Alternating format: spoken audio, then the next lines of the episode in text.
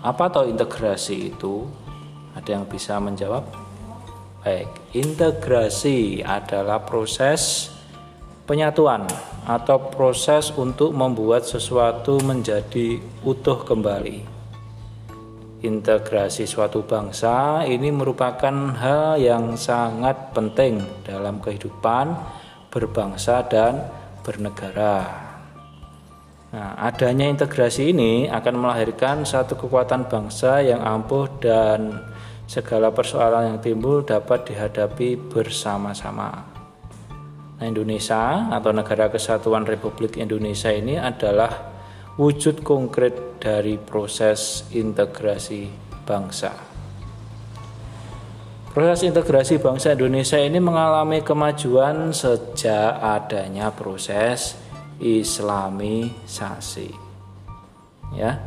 Jadi ulama-ulama pada waktu itu ya misalnya dari Minangkabau ya berhasil mengislamkan saudara-saudara masyarakat bagian dari bangsa Indonesia di wilayah Sulawesi. Begitu pula ulama yang ada di Sulawesi juga berperan dalam mengislamkan saudara-saudara kita yang ada di Bima. Mana itu? Nusa Tenggara ya. Kemudian ada di Kepulauan Rio dan sebagainya. Begitu juga tentunya dengan uh, para ulama yang berada di Jawa Timur ya berhasil mengislamkan saudara-saudara kita yang ada di Ternate dan Tidore. Hal itu juga tidak terlepas dari pada peran Wali Songo seperti yang sudah anak-anak bikin uh, resumnya kemarin. Jadi integrasi suatu bangsa ini tadi merupakan suatu proses historis yang panjang. Ya. Jadi integrasi ini terjadi dalam suatu proses yang dipengaruhi oleh banyak faktor. Nah, kita merasakan sebagai suatu bangsa ini karena ada keterikatan budaya satu dengan lainnya. Ada persamaan kepentingan, menggunakan bahasa yang sama, mengakui sistem nilai yang sama ada persamaan identitas dan tentunya ada solidaritas sebagai satu bangsa yang sama. Jadi semakin sering terjadi hubungan, kontak budaya dan pergaulan antar golongan suku bangsa di Indonesia, nah ini akan semakin baik guna membentuk atau terbentuknya identitas bangsa. Melalui komunikasi yang terbuka antar suku bangsa, ini nanti sikap prasangka, nah, kemudian sentimen kesukuan atau kedaerahan ini lambat laun dapat dihilangkan. Nah, seperti anak-anak, nah di sini nah, berasal dari eh, desa-desa yang berbeda, berasal dari daerah yang berbeda. Namun karena intent berkomunikasi, ya di sini akan menghilangkan yang namanya sikap prasangka, sentimen dan sebagainya. Nah, kemudian kita masuk ke materi yang Pak Nufasoro di sini nanti ada dua ya tentunya berkaitan dengan materi yang sudah kita bahas nanti yang pertama ada kaitannya dengan peranan para ulama dalam proses integrasi. Dan yang kedua pastinya peran perdagangan antar pulau. Nah jadi yang pertama kita akan membahas tentang peranan para ulama dalam proses integrasi. Jadi ini ulama ini menduduki posisi penting dalam masyarakat Islam, tidak hanya sebagai figur ilmuwan yang tentunya menguasai dan memahami ajaran-ajaran agama, tapi juga sebagai penggerak, sebagai motivator dan sebagai dinamisator ya, masyarakat ke arah pembangunan dan pembangunan umat tentunya. Jadi para ulama ini juga berperan dalam bidang politik, ekonomi, sosial, budaya, pendidikan, dan sebagainya. Nah, peranan para ulama dalam proses integrasi di Nusantara ini apa? Ada yang sudah membaca? Sudah tahu? Baik. Jadi peranan para ulama ini dalam proses integrasi di Nusantara ini antara lain Yang pertama ini agama Islam yang masuk dan berkembang di Nusantara ini mengajarkan kebersamaan dan mengembangkan toleransi dalam kehidupan beragama. Ya, jadi dalam hal uh, kehidupan beragama, nah, di sini Islam juga mengajarkan yang namanya toleransi. Yang kedua, Islam mengajarkan persamaan dan tidak mengenal kasta ya dalam kehidupan masyarakat berbeda dengan zaman sebelumnya di mana terdapat klasifikasi atau stratifikasi sosial di dalam lingkup masyarakat melalui budaya atau e, agama yang berkembang pada waktu itu yaitu Hindu ya di dalam Islam ini tidak ada kasta, tidak ada stratifikasi sosial, ya berarti sama. Ya. Yang membedakan tentunya adalah tingkat keimanannya. Ya di sini semua memiliki hak yang sama. Kemudian yang ketiga ini konsep ajaran Islam memunculkan perilaku ke arah persatuan dan persamaan derajat. Ya itu tadi ada tiga poin besar ya, poin penting di situ. Oke lanjut ya.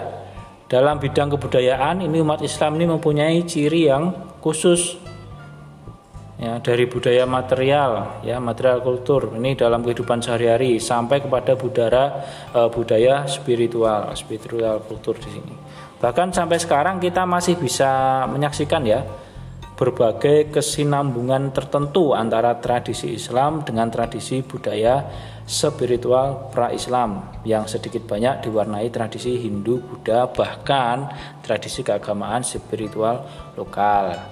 Nah, di dalam video yang sudah anak-anak kirimkan kemarin, terima kasih sudah banyak yang membahas tentang uh, peninggalan kebudayaan yang ada di sekitar daerah masing-masing. Ya tentunya di situ banyak pula yang disampaikan peninggalan-peninggalan budaya berupa upacara-upacara adat, ya, kemudian eh, kebiasaan dan sebagainya yang masih memiliki keterkaitan dengan konsep tradisi keagamaan spiritual lokal. Ya, jadi kalian sudah paham di sini.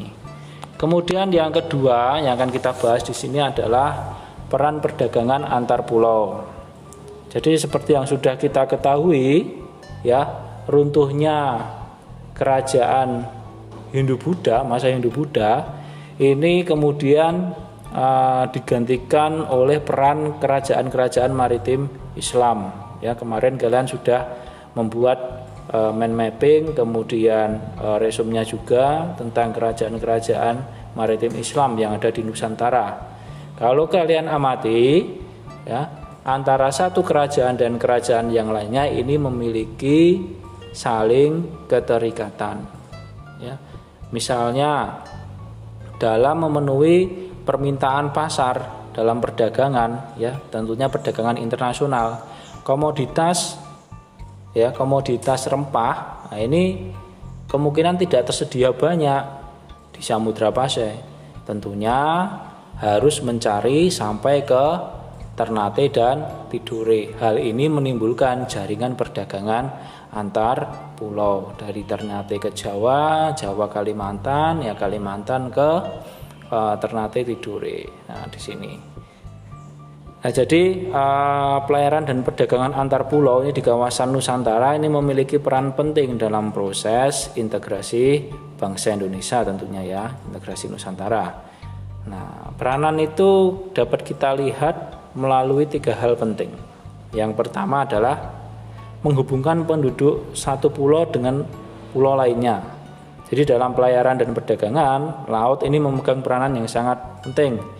Laut digunakan sebagai jalan bebas hambatan yang bisa digunakan oleh penduduk pulau mana pun. Jadi laut ini merupakan akses atau jalan penghubung sekaligus sebagai pemersatu penduduk yang tinggal di kepulauan Nusantara. Seperti tadi sudah Pak Nova contohkan ya. Atau misalnya ada contoh lain, misalnya pedagang dari Jawa, ini berdagang ke Palembang ya. Atau para pedagang dari Sumatera berdagang ke Jepara dan sebagainya. Hal ini menyebabkan terjadinya proses integrasi antara Sumatera dan Jawa, antara Pulau Sumatera dan Jawa. Jadi para pedagang ini uh, kemudian terjadi proses integrasi ya penyatuan kebudayaan dan sebagainya. Nah, terus kemudian yang kedua adalah proses percampuran dan penyebaran budaya suatu daerah terhadap daerah lainnya. Jadi seperti yang kita ketahui semenjak jatuhnya Malaka ke tangan Portugis tahun 1511 ini sebagian perdagangan di Nusantara ini tentunya dialihkan ke bandar dagang-bandar dagang Islam seperti di Aceh, Banten, Makassar, Gresik dan lain-lain. Di kota-kota tersebut ya seperti halnya di Malaka sebelum tahun 1511 ya ini terjadi pertemuan uh, pertemuan antara berbagai suku bangsa. Nah, dari pertemuan itu maka terjadilah pertukaran pengalaman, pengetahuan dan adat istiadat yang berbeda. Nah, kegiatan uh, perdagangan antar pulau ini mendorong terjadinya proses integrasi yang terhubung melalui para pedagang. Jadi proses integrasi itu juga diperkuat dengan berkembangnya hubungan kebudayaan. Bahkan nantinya juga diikuti dengan proses atau cara pernikahan atau perkawinan. Nah, itu tadi dua uh, faktor mengenai integrasi nasional, integrasi Nusantara, maaf ya. Nah, tapi yang tidak kalah penting, ini ada satu peran lagi yang Eh, sampai saat ini masih masih berlangsung dan mungkin kalian juga merasakan ya. Peran apa di sini? Yang ketiga ini adalah peran bahasa. Jadi bahasa pada waktu itu adalah bahasa Melayu. Ini digunakan hampir di seluruh pelabuhan-pelabuhan di Kepulauan Nusantara jadi bahasa Melayu ini sejak zaman kuno sudah menjadi bahasa uh, resmi dari negara Melayu atau sekarang disebut sebagai Jambi. Nah, pada masa kejayaan kerajaan Sriwijaya, bahasa Melayu ini dijadikan bahasa resmi dan bahasa ilmu pengetahuan. Nah, ini sebelum masa Islam ya. Hal ini kalian dapat lihat kalau kalian masih ingat di dalam prasasti Kedukan Bukit tahun 683 Masehi itu disebutkan mengenai e, bahasa Melayu. Ada juga dalam prasasti Talang Tuo tahun 684 Masehi atau prasasti Kota Kapur tahun 685 Masehi. Ya, itu disebutkan penggunaan bahasa Melayu untuk kepentingan perdagangan dan ilmu pengetahuan. Jadi para pedagang di daerah-daerah ini sebelah timur Nusantara ini juga menggunakan bahasa Melayu sebagai bahasa pengantar. Jadi pada mulanya bahasa Melayu digunakan sebagai bahasa dagang. Tapi akan tetapi lambat laun bahasa Melayu ini tumbuh menjadi bahasa perantara dan menjadi bahasa pergaulan di seluruh kepulauan Nusantara. Ya, makanya nanti bisa disebutkan bahasa Melayu ini sebagai lingua franca, ya, bahasa pengantar.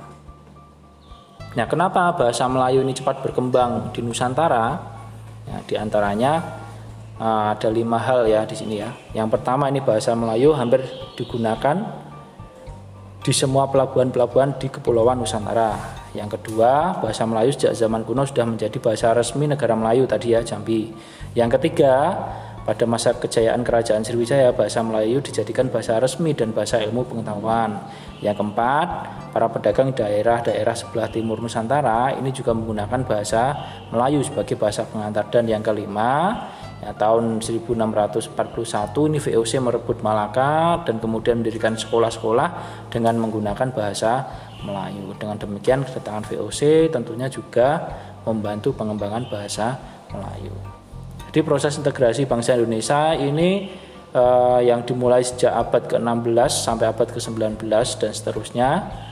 Ini pada abad ke-20 ini melalui gerakan kebangsaan ya akhirnya nanti terbentuk Negara Kesatuan Republik Indonesia yang diproklamirkan tanggal 17 Agustus 1945. Yang menjadi pokok penting di sini adalah uh, proses integrasi nasional atau Nusantara ini tidak lepas dari peran perkembangan Islam atau Islamisasi di Nusantara. Mulai dari para ulama, proses perdagangan, ya, uh, kebudayaan, kemudian uh, kebijakan-kebijakan yang diambil oleh kerajaan ini tentunya membawa pengaruh pada proses integrasi Nusantara. Baiklah, eh, demikian untuk materi proses integrasi di Nusantara.